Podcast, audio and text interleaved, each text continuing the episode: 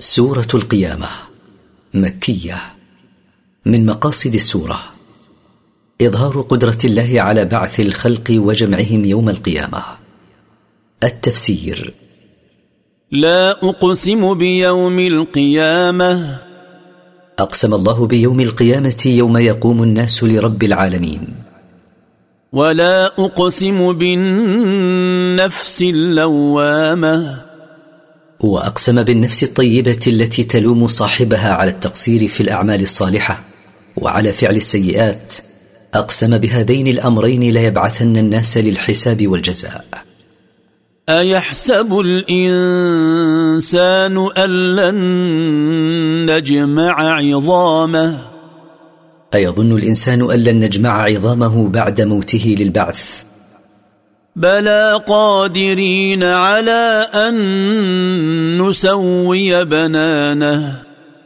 بلى نقدر مع جمعها على اعاده اطراف اصابعه خلقا سويا كما كانت.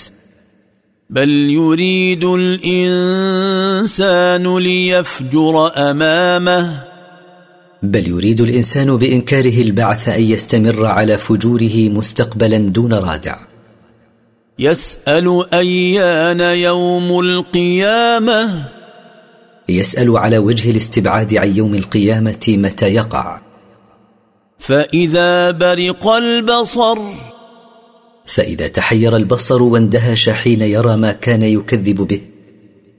وخسف القمر. وذهب ضوء القمر. وجمع الشمس والقمر. وجمع جرم الشمس والقمر. يقول الإنسان يومئذ أين المفر؟ يقول الإنسان الفاجر في ذلك اليوم أين الفرار؟ كلا لا وزر. لا فرار في ذلك اليوم ولا ملجأ يلجأ إليه الفاجر ولا معتصم يعتصم به. إلى ربك يومئذ المستقر. إلى ربك أيها الرسول في ذلك اليوم المرجع والمصير للحساب والجزاء. ينبأ الإنسان يومئذ بما قدم وأخر. يخبر الإنسان في ذلك اليوم بما قدم من أعماله وبما أخر منها. بل الانسان على نفسه بصيره بل الانسان شاهد على نفسه حيث تشهد عليه جوارحه بما اكتسبه من اثم. ولو القى معاذيره ولو جاء باعذار يجادل بها عن نفسه انه ما عمل سوءا لم تنفعه. لا تحرك به لسانك لتعجل به. لا تحرك أيها الرسول لسانك بالقرآن متعجلا أن ينفلت منك. إن علينا جمعه وقرآنه. إن علينا أن نجمعه لك في صدرك وإثبات قراءته على لسانك. فإذا قرأناه فاتبع قرآنه. فإذا قرأه عليك رسولنا جبريل فأنصت إلى قراءته واستمع. ثم إن علينا بيانه. ثم إن علينا تفسيره لك. كلا بل تحبون العاجلة. كلا ليس الأمر كما ادعيتم من استحالة البعث.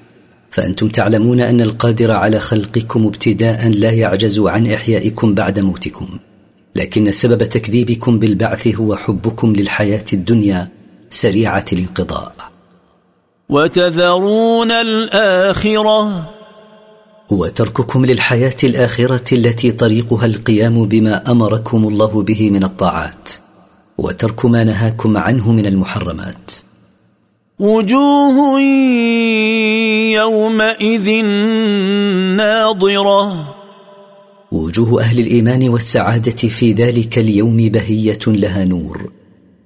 إلى ربها ناظرة. ناظرة إلى ربها متمتعة بذلك. ووجوه يومئذ باسرة. ووجوه أهل الكفر والشقاء في ذلك اليوم عابسة. تظن أن يفعل بها فاقرة. توقن أن ينزل بها عقاب عظيم وعذاب أليم. كلا إذا بلغت التراقي. ليس الأمر كما يتصور المشركون من أنهم إذا ماتوا لا يعذبون. فإذا وصلت نفس أحدهم أعالي صدره وقيل من راق. وقال بعض الناس لبعض من يرقي هذا لعله يشفى. وظن أنه الفراق. وأيقن من في النزع حينئذ أنه فراق الدنيا بالموت. والتفت الساق بالساق. واجتمعت الشدائد عند نهاية الدنيا وبداية الآخرة. إلى ربك يومئذ المساق. إذا حصل ذلك يساق الميت إلى ربه. فلا صدق ولا صلى. فلا صدق الكافر بما جاء به رسوله ولا صلى لله سبحانه. ولكن كذب وتولى. ولكن كذب بما جاءه به رسوله وأعرض عنه. ثم ذهب إلى أهله يتمطى. ثم ذهب هذا الكافر إلى أهله يختال في مشيته من الكبر. أولى لك فأولى. فتوعد الله الكافر بأن عذابه قد وليه وقرب منه. ثم أولى لك فأولى. ثم أعاد الجملة على سبيل التأكيد فقال ثم أولى لك فأولى. أيحسب الإنسان أن يترك سدى؟ أيظن الإنسان أن الله تاركه مهملا دون أن يكلفه بشرع. ألم يك نطفة من مني يمنى؟ ألم يكن هذا الإنسان يوما نطفة من مني يصب في الرحم؟ ثم كان علقة فخلق فسوى. ثم كان بعد ذلك قطعة من دم جامد ثم خلقه الله وجعل خلقه سويا. فجعل منه الزوجين الذكر والأنثى.